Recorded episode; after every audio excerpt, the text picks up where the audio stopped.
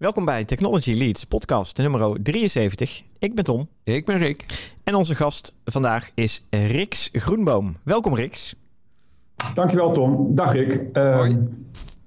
Leuk dat je er bent. Uh, ja, ja, het is uh, handig voor onze luisteraars als je jezelf in een paar zinnen wilt voorstellen, Rix. Dat wil ik natuurlijk wel. Ja, dus uh, ik ben uh, Rick Schoenboom. Ik ben uh, lector New Business ICT. Verbonden bij de Hans Hogeschool in Groningen. daarnaast ben ik vader, trotse vader. En een opgeleid informaticus met nou, een wat langere staat van dienst. Met name in het vakgebied van softwarekwaliteit. Oké, oké. Mooi, mooi. Ja, we gaan dadelijk uitgebreid in op waar jij als lector mee bezig bent en waar je studenten mee bezig zijn. Voordat we daaraan beginnen, uh, doen we altijd een aantal tech-updates. Uh, ik zal met die van mij beginnen deze keer. En die gaat over uh, een mooi artikel wat ik tegenkwam op Wired Magazine online. Uh, dat is een leuk artikel die vertelt hoe je kunt luisteren naar foto's van um, melkwegen ja, ik zit even de vertaling te zoeken. Luisteren naar foto's van de Melkweg. Ja, ja, ja. De titel in het Engels is Listen to these photographs of sparkling galaxies. Ja, dat klinkt toch al goed, of niet? Het klinkt goed, maar leg even uit hoe je luistert naar een foto, Tom. Ja, um, uh, zoals jullie vast al weten, is dat de plaatjes die van uh, in de ruimte gemaakt worden, of het nou de Hubble-telescoop is, of eigenlijk elk apparaat dat de ruimte is uh, ingeschoten om uh, ja, hemellichamen te bestuderen. Dat zijn natuurlijk geen fotocamera's. Hè? Dat zijn niet de camera's die jij en ik gebruiken om uh, nee. uh, buiten te fotograferen. Uh, er zitten ook niet de, de, lenzen op die wij kennen, zoals wij met, met hele grote toeters heel ver weg dingen bij, bij ons kunnen halen. In de ruimtevaart zijn de dingen zo ver weg dat dat niet aan de orde is. Dus je hebt eigenlijk een hele hoop grote sensoren die je de ruimte inslingert. En die vangen op allerlei manieren data op. Of tenminste, ze converteren allerlei dingen die ze detecteren naar data. Dus ja. eigenlijk zijn die plaatjes data. Zijn het gewoon bits en bytes. En niet heel veel meer dan dat. En dan maken wij er vervolgens hele mooie ronkende plaatjes van met allerlei fantastische kleuren, zodat je die nevels heel mooi ziet en de melkwegen en de, en de vormen van die melkwegen hartstikke mooi tot hun recht komen. Maar daar kun je natuurlijk nog veel meer mee doen. En dus uh, zijn er mensen geweest, uh, is er een project opgestart eigenlijk om van die data niet gewoon plaatjes te maken, maar muziek te maken. Uh, door het te zien als een soort, ja, hoe noem je dat? Je, je, bent een soort componist eigenlijk, zeg maar, om van data muziek te maken. En er zijn gewoon allerlei experimenten geweest om die data in allerlei verschillende instrumenten te voeren en te kijken wat eruit komt. Nou, sommige gevallen komt daar meer ruis uit dan, uh, dan iets wat goed uh, te horen is. Ja. Uh, een één op één omzet, ja, dat, dat is niet zo heel fijn om, om, om naar te luisteren. Dus daar hebben ze dan weer een soort van laagje tussen gezet. Om te komen tot luisterbare muziek. En het grappige is, ik zat eerst te denken, ja, dan een laagje ertussen zetten. Een soort filter ertussen, hartstikke mooi. dan ben je toch de boel gewoon hartstikke aan het manipuleren en aan het doen. Maar ja, dat is natuurlijk met die plaatjes ook zo die kleuren en die, ja, en die dingen die wij eraan toevoegen, die zijn in het echt ook niet zo. Nee, nee dus, precies. Die kleuren worden ook toegevoegd. Dus ja. waarom zou je er geen ja. geluid van genereren? Maar ik en, vind wel de stap naar geluid wat groter dan de stap naar foto's. Uh, want, want je hebt in ieder geval nog een idee hoe een melkweg er ongeveer uit moet zien. Maar hoe een melkweg ongeveer moet horen, daar heb ik echt nog ja, nooit ja, over nagedacht. Oh, ho, ho, daar ga ik je even stoppen. Want we hebben een idee over hoe de melkweg eruit moet zien. Maar eigenlijk hebben we dat natuurlijk helemaal niet. Nou ja, wel als ik gewoon s'avonds uh, op een donkere plek op de aardbol, bijvoorbeeld in Nieuw-Zeeland, ja. naar de lucht ga kijken, dan zie je wel zo'n een streep, zeg maar, van, zo'n van Nou ja, het, is, het zijn heel veel uh, lichtpuntjes die je dan ziet. Ja, ja, in een soort baan, inderdaad, hè, geconcentreerd ja. in een baan. Maar waarom is dat dan een spiraalvormig melkwegstelsel? Of een, een ja, oké, okay, dat kunnen we hier vandaan niet zomaar zien. Nee, en ja. nou, als we het dan hebben over uh, de wereldberoemde de paardenkopnevel. Dat is zo'n mooi plaatje, heel, heel bekend. Ja, ziet hij er zo uit of niet? Is dat niet veel waziger of niet? Of is dat, ja, ja ik het weet hangt het er ook vanaf, vanaf welke kant je er naar kijkt natuurlijk. Ja. Dus wij zien het vanaf de aarde, maar er zijn misschien andere wezens die vanaf een andere kant er naar kijken. Die noemen anders... dat helemaal geen paardenkop. Nee, die zien iets heel anders inderdaad. dus, nou, en de grap is, wij zijn ooit begonnen met er plaatjes van te maken. En dat is the way to go, blijkbaar. Uh, maar dat is dus een uh, astrophysicist uh, Matt Russo, die toevallig ook muzikant is. Dat helpt. Die had bedacht, nou, laten we dat dus gewoon niet doen. Nou, laten we gewoon data in, in, in de muziekeditor gooien. En ze, ze hebben gewoon wat in Python geschreven.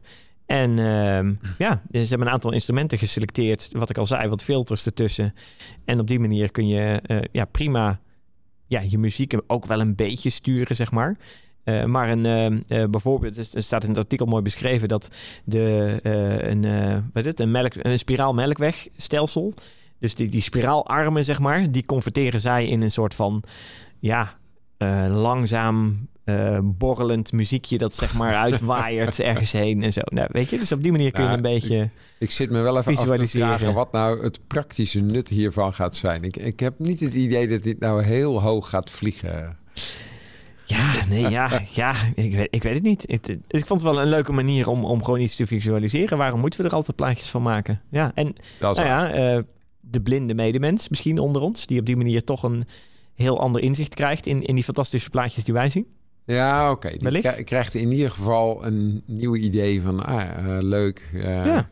Ik ga luisteren naar een melkwegstelsel. Ja, of, of nou ja, foto's die langskomen van, uh, van melkwegstelsel. Data die langskomt uit melkwegstelsel detecties. En uh, nou, dan kun je dus dadelijk in de auto naar huis... kun jij uh, de laatste foto's van de, de Hubble-telescoop misschien wel, wel even meepakken als je wil. Ja. Zonder je ogen van de weg te halen. ja, inderdaad. Mooi toch? Ja. ja is, je bent, je bent nog niet helemaal... misschien, ik ben benieuwd, Riks. Riks wat, wat vind jij ervan? Wat, wat, zou jij er naar luisteren of niet? Nou, ik vind het zo grappig. Je zei eh, de Hubble-telescoop, maar ook Nederland hè, doet daar zeer zeker aan mee. En als we toch even het, een, noordelijke afslag mag kiezen. Hè, dus uh, juist in Drenthe staat een hele grote radiotelescoop. Ja, ja. Vroeger al in, uh, in Dwingelo en ook in Westerbork. op het voormalig kamp. Dat is best eens een keer een...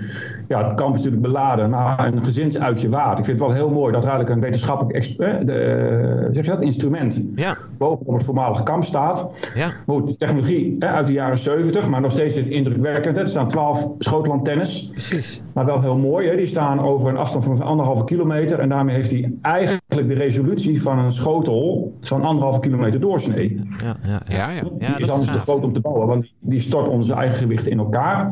Goed, natuurlijk had je zo'n grote gat en had je nog meer geluid of, of kunnen opvangen. Maar in ieder geval heb je de resolutie van een ding van anderhalve kilometer. Precies. Maar met dat idee in de achtergrond hebben ze een veel grotere telescoop gemaakt qua oppervlak. Die heet LOFAR. Ja, LOFAR, ja. Die staat ook, ook in Drenthe. Ja. En uiteindelijk krijgt hij een nog groter broertje. Dan, die staat er met name in Zuid-Afrika en ik geloof in Australië. Moet ik de details even opzoeken als dat zou moeten. Ja. Dus die heeft een nog groter oppervlak hè, waarmee hij uh, kijkt. Ja. Maar daarbinnen, die image processing, hè, er wordt ook heel veel data weggegooid. En nou wil ik even oppassen, want ik begin inhoudelijk natuurlijk een uitwedstrijd te spelen hier. Maar het is natuurlijk wel fascinerend. Hè? Die, die LOVAR ook. Dat, hè, die, die, data wordt dan in Groningen op de, het rekencentrum verwerkt. Maar die datastroom is zo enorm, daar moet je filteren. Ja. Ja, wat je filtert ben je voor altijd kwijt. True. Ja. Ja, ja zeker. nee, maar ja, nou, ja, ja, nee, het is helemaal waar. Het is helemaal waar. En, ja, dat ben je voor altijd kwijt. Ja. Dus ja, misschien had je wel spijt van, ja, hadden we toen maar meer data kunnen verstouwen. Dan, dus daar zit nog een heel ander aspect aan ook. En dat vind ik wel fascinerend. En misschien ook wel dat iets anders wat je me triggert vertelde. ik ben ooit een keer in mijn jongere jaren op het CERN geweest. Oh, dat is ja. ook fascinerend. Dan kijk je juist naar hele kleine deeltjes. Ja, ja, ja, de andere kant Dus dat zie je dus ook bizar, hè, dat je die versnellers daar ziet. Ja. Maar daar worden dus eh, ook ja, opnames gemaakt. En ook geïnterpreteerd om bevestiging te krijgen voor hè, natuurlijk, natuurkundige modellen. Nou Tom, het is voor mij jouw oude vak. Ja, ja er bestaan eh, je- allerlei deeltjes. Het bestaan van bepaalde deeltjes die theoretisch bedacht zijn, kun je daar ja, mee bewijzen of, of zichtbaar, ook weer Ja, zichtbaar maken. Hè? Ja, ja, ja, Ja, exact. nou, dezelfde vraagstuk, maar je ja. gebruikt misschien wel de software en de modellen in de software om het- dat signaal te interpreteren, om eigenlijk het model wat je bevestigd wil krijgen te bevestigen. Hè? Dus ja. je kunt bijna een filosofische kant op gaan. Nou heb ik alle vertrouwen in die engineers hoor, dus ik wil, wil niet die kant op gaan. Maar goed, toen jij dit zo vertelde, eh, triggerde mij dat wel. Ja. En, en eh, nou, kwamen wat verhalen, nou meer dan verhalen, hè, maar, nou, zeg maar onderzoeken op een manier waar eh, nou, toch op een nette manier eh, techniek wordt bedreven. Zeker. Dat triggerde mij, toen Ja. jij mij dit vertelde. Ja. Maar goed, Ja. even de, de, de VVV uithangen. eh Westerbork is echt wel de, de moeite waard. De moeite om waard eens, om heen te gaan. Leuk, leuk. Ja, Ja, en bij mij triggerde het vooral ook... Ik weet niet of jullie die film ooit gezien hebben. First Contact. Of dat iets zegt? Nee, zeg maar niks. Dat, dat was namelijk ook met die grote Jodie radio... Foster, toch? Ja, Jodie Foster. Ja, heel goed, heel goed. Met, met van die grote radiotelescopen. Luisteren naar het heelal voor ja, buitenaards wezen, buitenaards leven en dat soort data. Maar dat deden ze ook met audio. Ze converteerden de data die binnenkwam naar audio. En ze luisterden gewoon naar de biepjes en de dingetjes. En als daar ineens iets in veranderde, dan gingen ze pas, werden ze wakker en gingen ze kijken naar uh, wat er aan de hand was. Dus dat, ja, daar deed mij het aan denken, zeg maar. Oh, Oké, oh, wat leuk. Um, Tech-update van jouw kant, uh, Rick. Ja, nou, de, um, ik was dus recent uh, op de Hans Hogeschool op uitnodiging van Riks. Ja. En behalve dat ik daar zelf een gastcollege mocht geven, heb ik daar ook uh, met, met studenten en docenten gesproken. En het tech-item wat voor mij echt een tech-nieuwtje was, is dat er bestaat dus gewoon een module die je kunt kopen om je eigen auto zelfrijdend te maken. En dat, dat ding heet de Comma 3 en dan Comma op zijn Engels geschreven. Ja. En die wordt aangestuurd met uh, open source software waar je ook zelf aan kan bijdragen. En uh, ja, studenten van RIX zijn daar mee bezig. En ja, ik vond dat heel erg fascinerend. Uh, ik had er uh, nog nooit over gedroomd dat je inderdaad in moderne auto's gewoon een, uh, ja, een soort contactdoos hebt waar je een stekker in kan pluggen, waar dan dus een moduletje aan hangt dat er een beetje uitziet als een TomTom. -tom. en die gaat dan gewoon je auto besturen. Ja. En dat mag op dit moment misschien nog niet. Oh, oké. Ja, maar dat was het... meteen mijn volgende vraag inderdaad. ja. mag, mag, ik zo'n kastje? Ik ben wel benieuwd. ja, nou ja, je kan het gewoon kopen, Tom. Ja, het is gewoon uh, de, de website. Ik zal uh, een, een, linkje wel oh, in de show notes zetten... voor mensen die het in ieder geval willen lezen. Goed idee. Maar het mooie erachter is natuurlijk... dat die software, dat is uh, gewoon open source software. En, en uh, nou ja, uh, Rix kan daar uh, straks, maar dan, hè, dat zal vast later in deze podcast nog wel een keertje terugkomen. Kan daar vast nog meer over vertellen. Over hoe dat dan gaat met open source en waarom dat juist ook voor studenten zo interessant is. want een van de studenten vertelde mij al even in de, in de wandelgangen van ja, toen moest ik even dit of dat doen en dat werkte niet goed. En toen heb ik even de software aangepast. En dan aan de ene kant denk je dan, uh, wauw, wat mooi. Dat is nou het mooie van open source. Aan de andere kant denk je, oh ja, maar het is wel zelfrijdende autosoftware. En je zit er gewoon even aan te passen. Dus, dus ja, wat, ja. wat, betekent dat? Maar, maar ja, dat, uh, ja, ik vond ja, dat ik, wel heel mooi. Hè? En, en, ja, en, en toen ging ik dus even verder googelen. Uh, dan blijkt gewoon dat qua kastjes is dit volgens mij de enige. Maar open source software voor zelfrijdende auto's, daar blijken er zelfs meer van te zijn. Dus er zijn gewoon verschillende initiatieven die daarmee bezig zijn. En het boeiende daarvan is dat als je wil weten hoe jouw gemiddelde uh, BMW, Mercedes, Tesla of hoe dan ook, hoe dat werkt, daar kom je niet achter, want dat is allemaal uh, uh, proprietary software. Maar er zijn dus gewoon hele mooie open software initiatieven. Dus ja, okay. ik vond dat wel een, een hele boeiende. Is, is, daar ben ik gelijk benieuwd. Maar daar kan vast Rick, of, of misschien jij wel Rick, een antwoord op geven. Uh, als er meerdere open source uh, zelfrijdende auto software pakketten, platforms, wat is het, zijn. Is dat puur universitair of, of uh, in, in de HBO, zeg maar, dat dit ontwikkeld wordt? Of is dit een, is dat, ja, is het gewoon, waar, waar wordt dit allemaal ontwikkeld? Wie, wie zit erachter? Ja. Geen idee. Rick, weet jij dat? Nou ja, ik kan misschien wel een beetje... Ja, mooi. Rick, ja, ik vond hem zelf ook super gaaf. En uh, nou, dat is dubbel, hè. Dus de vraag stellen, maar daar komen we straks misschien op. Hè, maar ook ja, gewoon het technologisch hart. Dus deze specifieke die jij noemde, dat is een Amerikaans bedrijf. Uh, Comma.ai is de... Hè, dat is een, een moderne URL. Mhm. Maar die bieden dit commercieel aan. En wel even een serieuze disclaimer, want uh, wij zijn ook goed bevriend met het RDW. Het RDW doet in Nederland ah. behalve de ja. kentekendatabase, de rijbewijsdatabase, ook typekeuring van auto's, Precies. zoals de Tesla. Ja. Uh, het mag in Nederland echt niet. En je begaat ook een misdrijf. Hè? Dus het is niet even vergeet die hand uit te steken. Dit is ja, dit moet je, dit, oh, zo is nu even de wetgeving en daar hebben we ons aan te houden. En dat doe ik dus ook. Hè. Niet alleen omdat ik zo braaf wil zijn, je wil het niet op je geweten hebben, hè, dat je uiteindelijk wel een keer een kind van de fiets hebt gereden. Oh, hè, dus laten we dat, en dat wil ik echt even ja, genoemd dat, hebben. dat is helemaal waar. Ja. ja. dus, uh, maar goed, even aan, aan de technologische kant. In, in Californië mag het wel. Er zit ook een leuke truc, zou ik maar even zeggen, achter. Hè. Dus uiteindelijk als je die comma 3 koopt, en ik heb er één gekocht, hè, dus in Groningen ligt er één, voor wie wil. De deur staat wagenwijd open. Uh, uh, uit, een, uit een onderzoeksvraagstuk. Maar je koopt hem zonder software.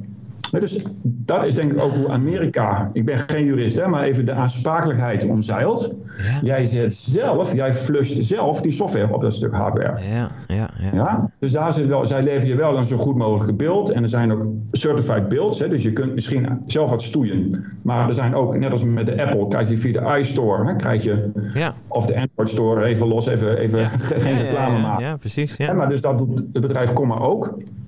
Uh, maar ja, jij kunt, ja die, die software staat gewoon op uh, GitHub. En, dat is, uh, en dus jij kunt ook zelf wat gaan bouwen. Nou, dan heb je zeg maar niet de min of meer bedrijfsgarantie. Maar ik denk dat juridisch gezien de aansprakelijkheid nog steeds bij jou ligt. Want jij hebt het erop gezet. Ja. Even los van dat je misschien, net als in Nederland, hè, als bestuurder nog steeds verantwoordelijk bent. Ook al kan die Tesla best wel goed zelfstandig hè, inrijden. Hè, kun je jezelf niet zeggen, joh, mijn Tesla en daar heet het product Autopilot. Ja, exact. Dus deze wordt commercieel aangeboden, ook als consumentenproduct. Uh, in de Verenigde Staten wordt hij dus ook, uh, ook toegepast. Dus dat het bedrijf. En ik weet ook een Nederlands bedrijf die ook een softwarepakket heeft gemaakt. Die hebben wij nog niet op de, op de rollenbank staan. Maar dat is een Nederlands bedrijf die hem ook, vind ik ook heel stoer. He, dus het bedrijf, of de, de software in de open source heeft gezet. Mhm. Zij richten zich vooral op het certificeren van buschauffeurs. Dus dat is juist bussen zelfrijdend maken. Dat is, het is juist de openbaar vervoer uh, kant. Dus daar zit wel, dus dat is ook veel meer dan academisch. Daar zit we daadwerkelijk een, uh, nou een, een, eh, een, of commercieel klinkt vaak zo negatief, hè, maar er zit gewoon een zakelijke motivatie ja, achter. en dat vind ik heel gezond. Ja, ja. Ehm, en, waarom doet Comma dat? En ik vind het wel inspirerend. Dus de mensen achter Comma hebben gezegd van ja, hè, zeg maar Autopilot. Dat is een beetje de grote referentie. Hè. Autopilot is het product van Tesla. Dat is zeg maar, die kiezen een Apple model. Hè. Een, een dedicated hardware met dedicated software. En dat werkt heel goed samen. Zeg maar, kun je de, het idee Open Pilot, dus dat software. En, en de Comma is de hardware. Dat is meer het Android model. Zo, zo, hebben ze dat zelf ook wereldkundig ah, gemaakt. En het tijd zal leren wie dat, hè, wat het beste model blijkt te zijn, natuurlijk, zakelijk gezien. Um, nou, dat zijn even wat, wat dingen van de zijlijn die mhm. ik zo uh, even eraan toe kan voegen. En ik kan natuurlijk uren praten over wat wij voor gave dingen wij dan hè, met dit soort hè, stukken software, omdat het open source is, kunnen wij er zelf ook mee aan de stoei. Uh, wat we dan wat, willen bereiken. Wat ik eigenlijk zat te denken, Riks, misschien kan je dan eerst wat vertellen over hoe jullie in, in het lectoraat uh, omgaan hè, met de, de, uh, aan de ene kant onderwijs, maar aan de andere kant onderzoek. En dan komen we vanzelf wel weer op dit punt terug van... en wat doen dan studenten specifiek in dit voorbeeld? Hè? Want je zei al, uh, ook die studenten gaan niet zelfrijdend de weg op... maar ze zijn wel experimenten met dit soort middelen aan het doen. Maar, maar laten we dan eerst eens even kijken... gewoon het onderwijs en onderzoek wat er in jouw lectoraat plaatsvindt. Ja, nee, dat lijkt me goed. Dankjewel. Hè, want anders gaan we meteen uh, alle remmen los. Ja, leuk. Wel leuk. Ja, misschien één stapje terug. Ik weet niet of dat voor de luisteraars zo geldt. Hè, ondanks dat ik wel wat langer rondloop in het, in het techniekwereldje, was het concept lectoraat me eigenlijk niet zo heel erg bekend. Hè. Dat is specifiek een, een HBO, een, een ja, een HBO, hè, de vroegere HTS, maar de, de HBO-concept. Het is een beetje te vergelijken met een leerstoel aan de universiteit of het is eigenlijk het equivalent van de leerstoel aan de universiteit. En aan het hoofd van de leerstoel staat vaak een hoogleraar. En bij het HBO is dat iemand met de titel lector, wat vroeger een academische titel was. Goed, allemaal geschiedenislesjes. Dus even dat. Hè. Dus een lectoraat is een onderzoeksgroep aan een HBO met een iets andere insteek dan op een universiteit. De universiteit kan ook heel wetenschappelijk zijn. Hè? Mooie, wat je net noemde, die LOVA, dus de, de astronomie. Wa waanzinnig mooie wetenschappelijke toe. Bij ons is de opdracht, in dit wettelijk vast, is om praktijkgericht onderzoek te doen. Dus daar ligt een soort waterscheiding. En dat maakt het een niet... Hè, nee, hè, ik vind het een hele mooie. Het maakt mij heel duidelijk en ik voel me helemaal niet minder waardig. Ik heb diep respect hè, voor de collega's van de universiteiten in Nederland. Maar wij voegen op een andere manier waarde toe. En kijken juist naar vraagstukken, bijvoorbeeld uit de praktijk. Die kan ook echt van een MKB-bedrijf zijn, maar mag ook een groot bedrijf zijn. Maar een groot bedrijf heeft vaak zelf al voldoende middelen met een eigen R&D-afdeling. Dus die komen, ik, ik heb zelf voor, bijvoorbeeld voor Thales gewerkt, en vroeger signaal in, in Hengelo. Die hadden best een goede Applied Systems Research afdeling. Die hadden natuurlijk de vraagstukken al op zo'n hoog niveau dat je daar universitair mee aan de gang moet. Hè, maar juist vraagstellingen vanuit het MKB bijvoorbeeld, hè, zie ik, zijn wij zeer goed uh, nou, geëquipeerd om hun te helpen met vraagstukken van allerlei pluimage. Van mijn lectoraat zijn ze vooral technologisch van aard. Dan moet je denken aan connectiviteitsvraagstukken met de nieuwe 5G-standaard bijvoorbeeld. Daar worden bepaalde edge computing mogelijkheden. Nou, hoe zou dat dan voor mij werken? Bijvoorbeeld, is edge computing iets waar mijn, waar mijn, uh, mijn drone bijvoorbeeld lichter kan worden, omdat ik geen laptop hoef mee te slepen? Dus die drone blijft lichter en de computing doe ik dan even on the edge. Maar dan heb ik wel bijvoorbeeld de geïnterpreteerde visionbeelden die ik nodig heb om mijn drone bij te sturen. Dat, zou, dat zijn typische use cases die we doen. En dat werkt dus alleen technologische kant. omdat je voldoende kennis van die 5G-technologie hebt om dat snel genoeg te kunnen doen, zodat die drone terwijl die vliegt uh, al die informatie uh, krijgt. Ja.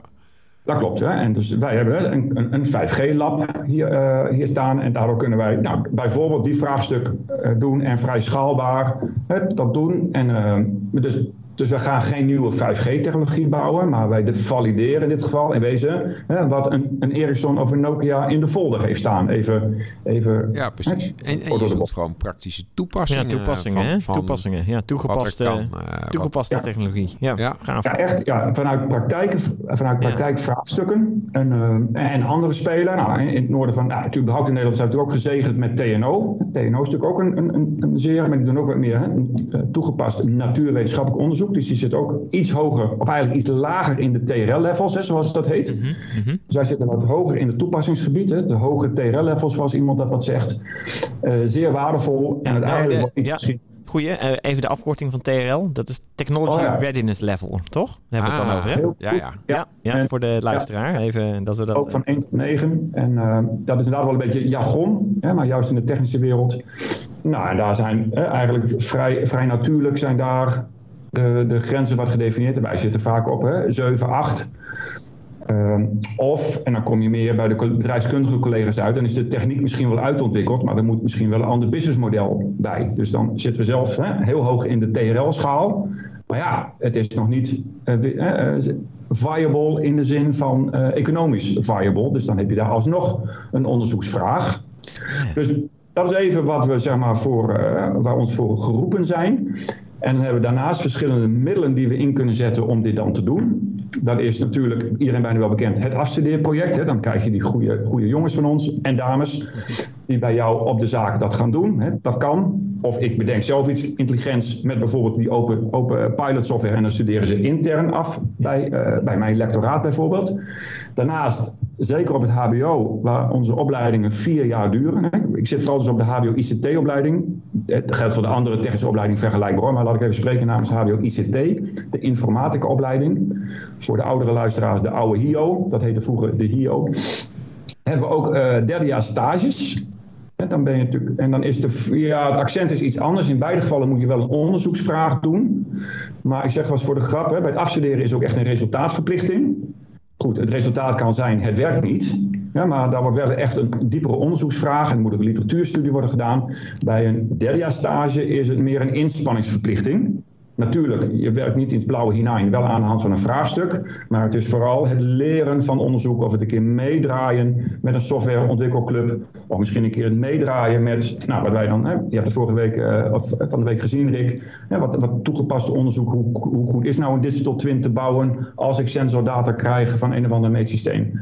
Uh, en dan is nog een andere zijn opdrachten binnen het onderwijs. Stel je hebt een vak uh, secure programming, dat je dan als onderdeel pakt, dan wordt het vaak meer groepsprojecten. Maar die vraagstukken kunnen prima uit het, uit, uit het bedrijf komen. Ja. Maar die zijn qua doorlooptijd nog weer wat korter. Dan heb je vier weken lang drie, vier studenten die in een groepje een echte casus door, doorspreken. Uh, dat zijn eigenlijk even de drie smaken die we hebben. Zeg maar geavanceerde practicumopdrachten, stageopdrachten, het zij intern, extern of de afstudeeropdrachten, intern, extern. Dus dat zijn, dat zijn de, de manier waarop wij studenten betrekken bij onderzoek. En daarnaast hebben wij natuurlijk onze docenten-onderzoekers. Dat zijn de mensen die natuurlijk de nieuwe generatie opleiden. En tegelijkertijd, en ik denk dat het ook wel een beoogd doel is. Nou, je hebt gisteren iemand gesproken, Rick, die heel veel weet van die edge computing met 5G. Ja. Doordat hij daar in die, in die labsituatie van ons mee werkt, is hij ook helemaal op de hoogte van state-of-the-art kennis van wat daar zo, zo staat. Nou, we zijn gezegend met een aantal infrastructuur, dus we kunnen daar ook echt met de allernieuwste spullen kunnen we werken. Maar daardoor is natuurlijk als docent ook echt bij de tijd, als ik dat zo kan noemen. Dus het heeft ook nog een neveneffect naar de docentenpopulatie zelf.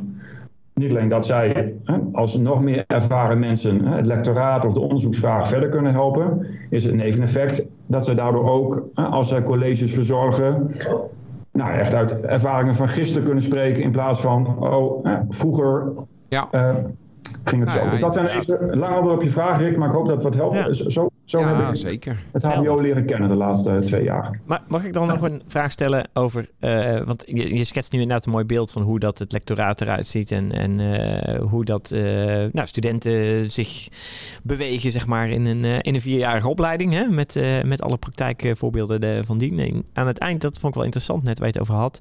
Zeg, je hebt een lab, nou, een 5G-lab als voorbeeld, mooi. daar, vind, daar heb je de latest and greatest technologie staan. Hoe verhoudt zich dat ten opzichte van uh, de technologie van nou, de big tech companies om, om jullie en om ons eigenlijk heen? Want ik kan me voorstellen dat we, en we hebben het daar toen straks al heel even over gehad, maar ik vond het wel leuk om de discussie nu even voor te zetten.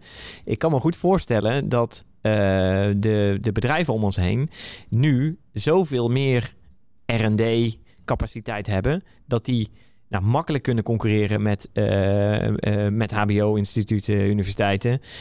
Zo niet misschien wel daar ver voorbij zijn. Hè? Waar het vroeger uh, zodanig was dat juist de HBO's universiteiten voorop liepen wat betreft technologie en dergelijke. Tom, daar raak jij een gevoelige snaar bij mij. Even in mijn rol, maar ook wel even als, nou ja, als professional, zou ik maar zeggen. Mhm, mhm. Ik heb misschien wel een heel mooi concreet voorbeeld. De Universiteit van Groningen heeft al een lange reputatie met in bezit te zijn van vrij serieuze rekenmachines, rekentuig. Hm? In Amsterdam, hè, op het SARA, dat is zeg maar het hoofdrekencentrum van Nederland. En Groningen heeft ook altijd hè, een lange traditie. Uh, en, en de, de ouderen begonnen met een Cyber en een PDP-11. Nee, helemaal prima. Uh, mijn tijd een, een, een, connection machine. Die, die kwam toen bij uh, eh, MIT vandaan. Nee, heel mooi. Dus dat is op een manier een soort, ik wil niet zeggen traditie, maar een en ook om die, bijvoorbeeld die data van LOFAR te verwerken. Het is niet alleen dat ze het willen hebben. Het is prima. Is nu net twee, drie weken geleden is een nieuwe machine opgeleverd. De Habrok als ik het goed heb. Dat is een Noorse god, als ik het wel heb. Dat is de tweede machine van Nederland. In ieder geval academisch gezien. Hè? Dus zeg maar eh, door de, door de staat betaald. Zeg maar, hè? Misschien heeft ASML grotere, hè? dat weet ik niet. Maar deze is dus de tweede van Nederland. nieuw. 150.000 Nvidia Core GPU machine. Dat staat er met name gebouwd om uh, machine learning beter te kunnen ondersteunen. Zo. Dus Gaaf. dit is even state of zijn toch geen, geen nou, we zijn G20, we zijn toch een serieuze economie. Maar even, ik, ik geef de context aan. Toen dit die man die hem ontworpen heeft zien, als je naar het model achter uh, ChatGPT, GPT 4.0, het huidige model, als je dat zou willen trainen op deze machine, en je neemt volledige rekenkracht, 24 keer 7 zet je de machine aan, ben je 60 jaar aan het rekenen op deze machine. Wauw. Oké, dus en OpenAI heeft het in over wat andere bedrijven hebben. Wow, OpenAI heeft er maanden over gedaan. Dus, hè, dus OpenAI, met hulp van hun grote broer Microsoft, weet dus, heeft dus 80 keer zoveel rekenkracht. Ja. Minimaal. Minimaal Even, dit is een ja, ja, die envelop. Bierveeltjesberekening. Maar ik vond het zelf wel nou, niet stuitend, maar uh, het bevestigde een vermoeden wat je al hebt. Uh, dat Big Tech inderdaad uh, en dat in de Verenigde Staten zie je natuurlijk precies hetzelfde. Er zijn er vier, vijf die hebben op dit moment, ja, die zijn qua, ja, ook qua middelen, niet alleen qua mensen, maar jullie werken zelf ook voor hè, bedrijven met hè, waar bijna hè, een heel land, hè, een aantal werknemers van, bedrijven als Capgemini of Atos Origin, dat, dat, dat zijn, ja. dat zijn Atos, dat zijn landen bijna, qua, qua, en ook qua omzet. Het is bijna. Maar ja, dit is nou, dit krachtenspel hebben we gewoon mee te, mee te doen. En dan krijg je ook wel, nou, hoe noemen ze dat? De, de, de, de race for talent. Oh ja, ja, ja. Ja, en dat, dat, nou, dat raakt ons als hogeschool, hè, als universiteit. Maakt niet eens meer uit zeg maar, waar die staat. Hè. Dus, hè, dus dat maakt de geografie niet uit. Dus ik denk de allerbeste mensen. En je bent super geïnteresseerd in AI. En je, ja, dan is misschien solliciteren bij OpenAI ja, zit je ja. in het Valhalla. Ja, ja. Goed, we kunnen niet allemaal voor Barcelona spelen. Dus er zijn ook andere professionele voetbalclubs waar je ook prima uh, kunt vertoeven. Ja. Dat is een beetje een lang antwoord, Tom. Maar toen ik dat zo voorgespiegeld kreeg, en natuurlijk wil ik die machine zien. En hartstikke mooi. en nou, misschien kunnen we ook een keer een uurtje rekenen, zeg maar. Ja, ja, dat. ja, ja zeker. Ja, Nou, dat krachtenverschil. Nou, je ziet het bij de in wiskunde, de, de analogie met voetbal natuurlijk trekken. Hè. Hartstikke, de Ajax, supergoed, enorme traditie, hartstikke trots op zijn. Nou, als je ziet wat voor budgetten er in Engeland en in, en in, in Spanje. Ja, maar, maar, dan, uh, precies, want nu, dit, dit is een hele interessante. Hè? Nu hebben we de analogie met de voetbal. Die vind ik wel leuk. Je zegt Ajax, uh, hoop geld, groot team, uh, goede, goede spelers. Kopen een hele, een hele goede supercomputer in die zin. Hè? Even de analogie doortrekken. Maar het kan zomaar zijn dat als jij een hele goede trainer bent en de synergie ziet te vinden en de goede, juiste onderzoeksvraag weet te prikkelen bij mensen, dat je niet Ajax hoeft te zijn om toch landskampioen te worden. Ja. En dat geldt natuurlijk voor en dan kan, dan kan ik me juist nu gaan voorstellen dat de, de big tech om ons heen, ja oké, die hebben wel de middelen om zo'n monsterlijk grote uh, rekencapaciteit op te zetten en brute force uh, eh, GPT-4 te, te bouwen. Maar misschien hadden jullie vanuit onderzoeksgedachten met de middelen die je hebt, hè, binnen de, de, de kaders die je daarmee hebt, zeg maar, uh, ben je misschien wel veel creatiever, veel slimmer, veel efficiënter en veel beter bezig om nee, dat soort activiteiten te doen. Of uitgerust om dat te kunnen doen, toch? Ja, en... Nou ja, ja, ja, hè, bedoel, het is, en, uh, nou, maar misschien even een brug maken. Hè, want je, Rick, ik vond het leuk dat jij die open pilot, dat is ook een beetje, tuurlijk, wij doen veel meer mooie dingen, maar misschien maak het toch wel even wat concreter. Hè, nu even, ja. Dus ja, wat kun je dan doen met zo'n ding? Want ja, nou, wat ik zeg, we werken veel op met RDW, heeft ook, ook een vestiging in Groningen, nou, dat maakt het allemaal iets, uh, iets makkelijker. En we zitten zelfdrive challenge, we maken karts zelfrijdend. Nou, dat is echt even nou, hartstikke goed. Hè? Zorg dat we elkaar wat up-to-date houden. Ook de mensen die het RDW houden. Nou, dus het is, en goed, prima. Maar goed, dus ik kreeg, en ik heb hiervoor voor een bedrijf gewerkt waar een vestiging had in Californië, Californië. Zo wist ik van het bestaan van dat ding. Want collega's van mij reden daarmee in. Nou, dus natuurlijk dat jij reed, dat, of dat je water ziet branden, zeg maar. Hè? Dus daar oké, ga ik dat naar Nederland halen? En, uh, maar dan zeg je dus, ook een beetje van onze technologische achtergrond, hè, softwarekwaliteit, quality engineering. In wezen is de kastje met heel veel intelligentie, misschien wel machine learning. Hè? Nou, laten we het even AI noemen. Even los van wat iedereen tegenwoordig AI noemt. Ja, wat kun je daar nu mee? En uh, dus toen zijn wij op de stoel gaan zitten van. Nou, ik heb weer de voetbalanalogie, ik heb hem de VAR genoemd. dus ik mag hem niet gebruiken om een auto te besturen. Maar ik wil misschien wel, wat heeft ook een camera die alleen naar de weg kijkt, die ook naar jou als bestuurder kijkt. En ah. nou, die zit persoonlijke anekdote. Ik ben een keer, ik ben geen zondagrijder, maar zo voelt het dan wel als je op zondag van de weg wordt gehaald door de politie. Want ik had ingehaald, was wel een beetje druilerig. En uh, toen werd ik volgende politie. Ja, dat is toch altijd weer een indrukwekkende ervaring. en toen zei de beste man, hij versprak zich. Hij zei, we zijn bezig met een rijopleiding. Dus toen dacht ik later, hmm, maar, maar goed, uiteindelijk heb ik ze gesneden. Ik heb een busje ingehaald en ik kan niet meer terughalen of ik wel en niet goed in de spiegels had gekeken. Volgens mij is dat een tweede natuur van mij. Maar ja, who knows. En ik heb blijkbaar echt die politieauto gesneden. Wat zo'n zwarte, zo'n zwarte Audi was. Hè. Dus wat dat betreft, het, was geen... Uh, oh, het was geen opvallende auto. Nee, nee. Ja, ik kreeg uiteindelijk, uiteindelijk gewoon niet weer doen, meneer. Dus uiteindelijk was het, zeg maar... Okay. Maar uh, daarom is het een leuke anekdote misschien. Maar hij zei ook, ja, weet u wel dat wij ook zonder uh, bijzondere, zonder zwaarlichten en zo harder mogen rijden dan 100, 100 of 130. Nee, dat wist ik niet. Dus met andere woorden, toen wist ik dat zij veel harder reden. Ja. En in ah. Duitsland houden rekening mee. Maar goed, never mind. Ja. Nee, maar toen dacht ik, hé, hey, toen, nou, zo moet je even gebeuren. Toen dacht ik, weet je wat, ik wil die uh, open pilot software wel omzetten tot een VAR.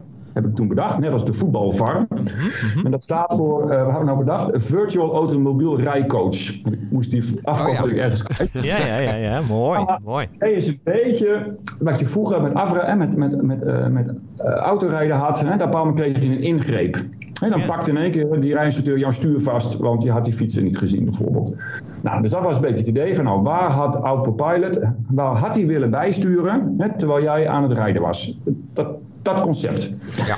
Nou, nou, nou, goed, tijd tot leren of dat zo'n idee is stom. Dat je zegt, nou ja, met je beperkte middelen, hey, is dat wel eens toch wel slim gevonden. Ja, ja. Dus toen zijn we daarmee aan de gang gegaan. Nou, ik mag er niet mee de weg op. Nou, dan moet je het wel simuleren. Daar is er trouwens niks mis mee. En dat weet natuurlijk Open Pilot ook, hè, of de Comma ook. De standaard wordt hier met de Carla omgeving meegeleverd. Nou, dat is een open source simulatieomgeving. Ook niets mis mee. Allemaal state-of-the-art uh, spullenboel. Het is niet een of ander hobby open source project. Dit is echt, we spelen hier wel uh, nou, bijna Champions League. hè? We kunnen mhm. Champions League met spelen met deze infrastructuur. Uh, dus wij gebruiken in Carla, zijn we nu rondjes aan het rijden met Open Pilot. Precies waar het voor bedoeld is. maar we gaan we juist nu meer op deze, met deze VAR-gedachte naar de problematiek kijken. Nou, en, nou, en dan zit ik dus op een heel ander spoor. En ook met de gedachte dat wij in Nederland, eh, want op de achtergrond speelt iets interessants. Uiteindelijk heeft een bedrijf in Amerika genaamd Tesla, heeft een aantal jaar geleden een auto aangemerkt om te verkopen op de Europese markt. En daarvoor moet één autoriteit in Europa toestemming geven. En Tesla had toevallig Nederland daarvoor uitgekozen. Dus RDW heeft de, de Tesla ook die allereerste generatie getypekeurd en goedgekeurd op de weg. Ja. En ik praat nu even, hè, de, de, de, mensen van het RDW nou hoor, maar uh, ik, ik even met andermans sferen. En die wordt natuurlijk prima technisch wordt die, wordt die gecontroleerd op, op, op, op remvermogen, uh, grootte van de spiegels. Nou, kun je van alles bij voorstellen. Dus die auto werd toegelaten. Beetje tot frustratie van de, de Duitse automobielfabrikanten natuurlijk, maar oké. Ze hebben waarschijnlijk Nederland uitgekozen, want wij hebben geen eigen grote auto-industrie. dus protectionistisch zou het misschien wel kunnen zijn. Maar nu komt de crux. Een jaar later kreeg dat platform een software-update. Ja. ja, ja, precies. Een keer zelfrijdend. Of kreeg, kreeg ADAS-functionaliteit. Ja. Maar dat was nooit de auto die getypekeurd is. Maar ja, dus, ja. dus, nou, even, dus oké. Maar goed, dus die regulator functie. Uh, dus uiteindelijk zijn we een beetje gaan denken, niet wij gaan nu hè, nog de open pilot beter maken en hem dan straks uh, white label verkopen aan Seat, hè, mm. noem eens wat. Nee, we gaan er juist naar kijken, een beetje uit het kwaliteitsaspect. Dat is misschien ook een beetje mm. de wereld waarin we opgegroeid zijn. Zie je hem als een black box, waar we wel een beetje grip op hebben. Dus we kunnen er een beetje mee, eh, een beetje, een beetje mee, mee morrelen ook. Uh, dus we gaan zitten op een, op een validatiestandpunt. Nou, dus dat is even. En uiteindelijk is de diepere vraag. Hè, dat is ook een zeer belangrijke vraag, natuurlijk ook in de maatschappij nu. Noem het trustworthy AI. Reliable AI. Hoe krijgen we nu grip op software die niet meer geprogrammeerd is? Even los van als je miljoenen regels code hebt, wat je dan nog voor inzicht hebt. Maar goed, we hebben misschien nog het vermoeden dat je de source code bij kan pakken en dan met het potlood zeggen, nou daar had toch, uh, daar had toch drie moeten staan. Maar goed, als je het getraind hebt, ben je dat echt helemaal kwijt.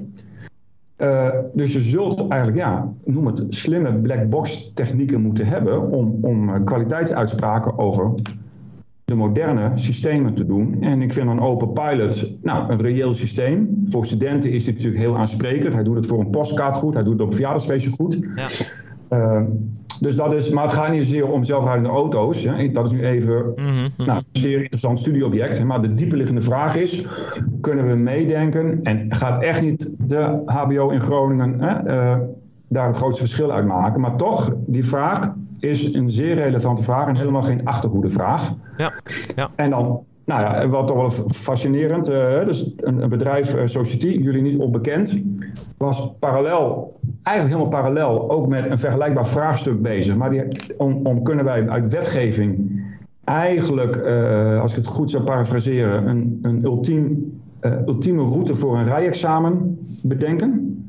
Dat is eigenlijk niet, Ik zit een beetje op de stoel van de rijinstructeur. En zij hadden een, wilden een validatieplatform, uh, hebben, hebben, ze, hebben we het genoemd. Uh, dat is eigenlijk meer het virtuele rijexamen. Zeg maar op de stoel van CBR ja, gaan Maar, maar dat is dan het rijexamen voor de zelfrijdende software, hè?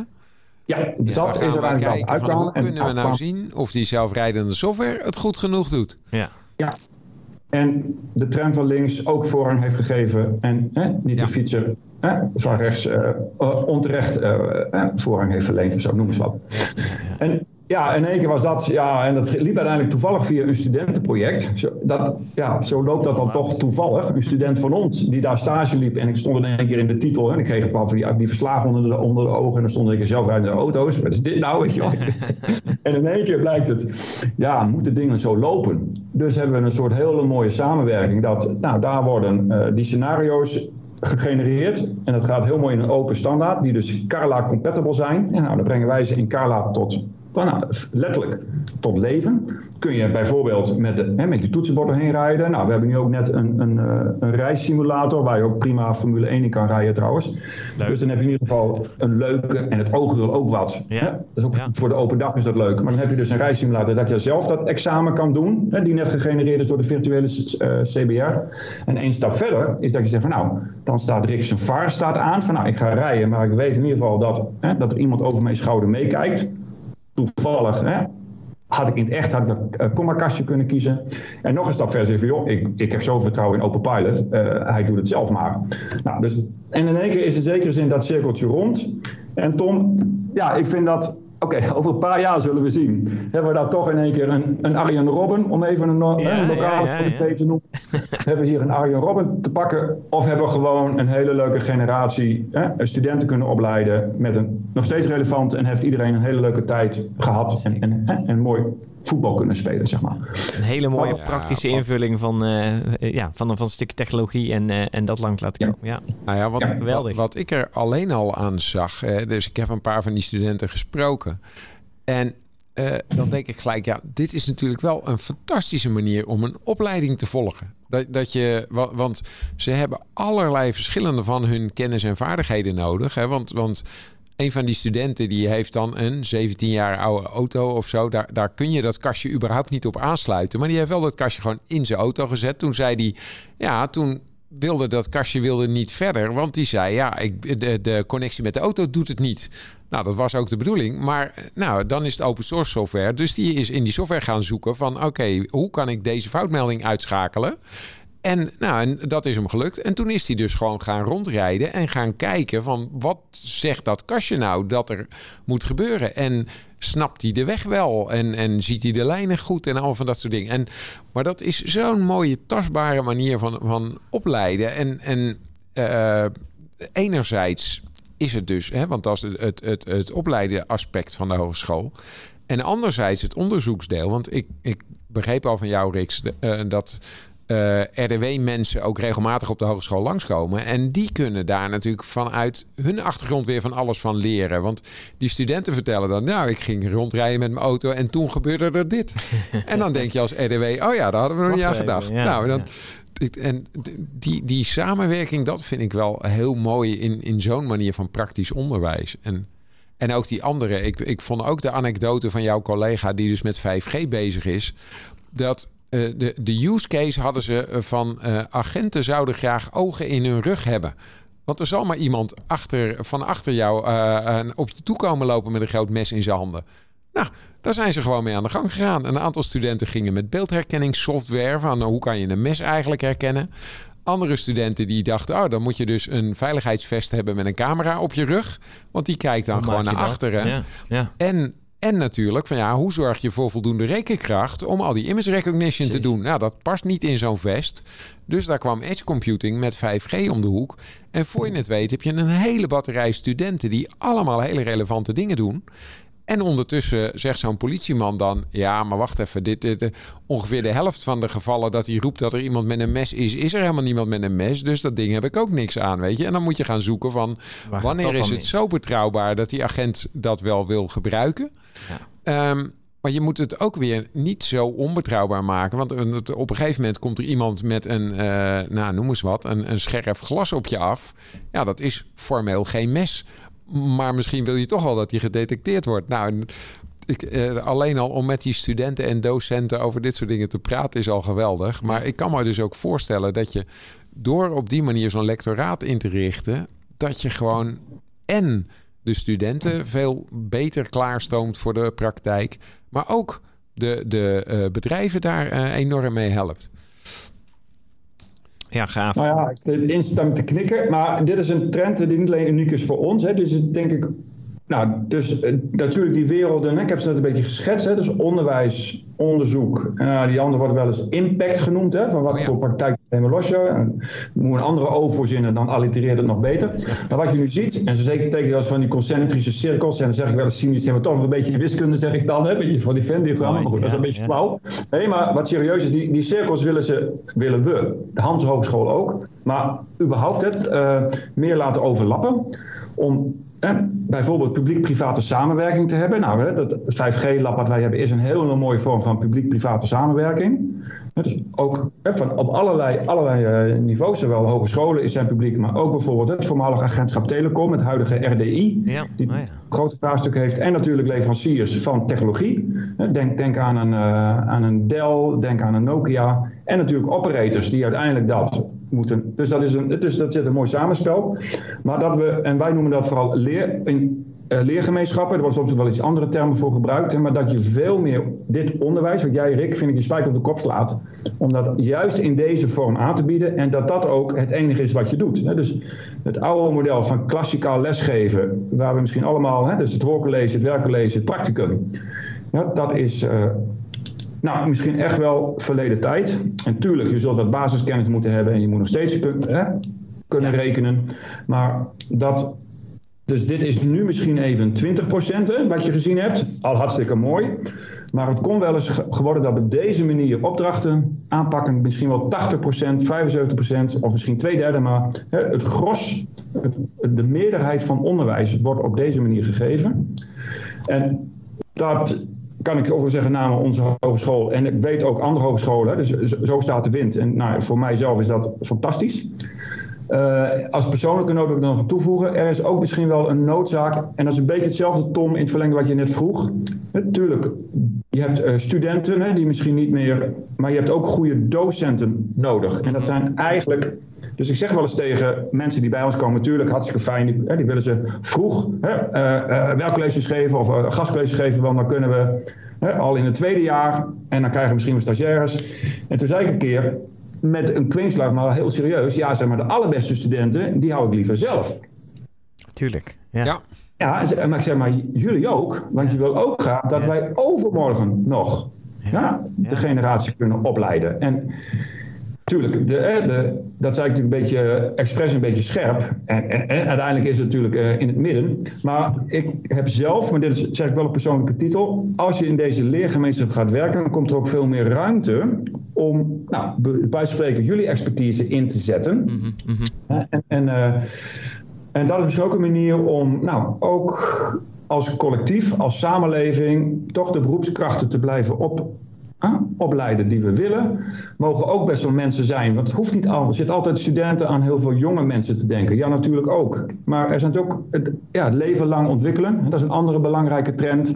Of mensen die vroeger de MTS hebben gedaan. Ja, fantastisch mooie opleiding. Hè? Hebben we er bijna veel te weinig van. Maar misschien voor hun eigen carrière ook een, een aantoonbare bachelor of een master moeten hebben. Dus er zit ook nog een hele ander aspect. En dat is veel makkelijker te integreren in deze leergemeenschappen. dan dat je je baan moet opzeggen. Hè, je drie jaar moet opsluiten. omdat jij hè, met, kind, hè, met, met mensen optrekt die je kinderen hadden kunnen zijn. Dus er zitten wat mij betreft heel veel voordelen aan deze, deze manier van nadenken. En ik ben natuurlijk gezegend dat ik een aantal hele leuke en ook wel eh, eh aansprekende. Maar het is natuurlijk niet helemaal onbewust. Hè? Dus je, je zoekt ook dat nou, als we met z'n allen die kant opschuiven, dat je ook ja, daaraan gehoor kan geven. Ja, en ons vakgebied leent zich natuurlijk extreem ook daarvoor. Hè? Dus ik ja, verplicht. Dat is, nog een keer. Dat is, waar, ja. dat is waar, helemaal gelijk in. hey, ik uh, zit even naar de tijd te kijken en we zijn uh, ja, door onze opnametijd al heen. Ik uh, vond het hartstikke leuk om een inkijkje te krijgen, Riks, in nou, het lectoraat zoals jullie dat aan de Hanse Hogeschool in Groningen inrichten. Wat jullie daar allemaal doen. Wat voor geweldig leuke projecten daar gedraaid worden, maar ook ja, we hebben ook nog even een, een, een stukje in de technologie gedoken, zelfs in deze, tijdens deze podcast. Uh, dus er is van alles de revue gepasseerd. Dank daarvoor. Dank voor je uh, verhalen. En uh, ja, uh, daarmee wilde ik deze podcast ook gaan afsluiten. Ja, dankjewel Ries. Ja, en, en, jullie, want het was ja, een, een, genot om ook over techniek te mogen praten. Hè, maar ook wel te kunnen reflecteren en dus ja, dat, beide aspecten vind ik zeer geslaagd hè, dat we die uh, hebben kunnen, uh, Leuk, kunnen leuk, hebben kunnen laten komen. Mooi, mooi. Nou, dank daarvoor. Uh, dan dank ik de luisteraars en zeg ik tot de volgende podcast. Tot de volgende.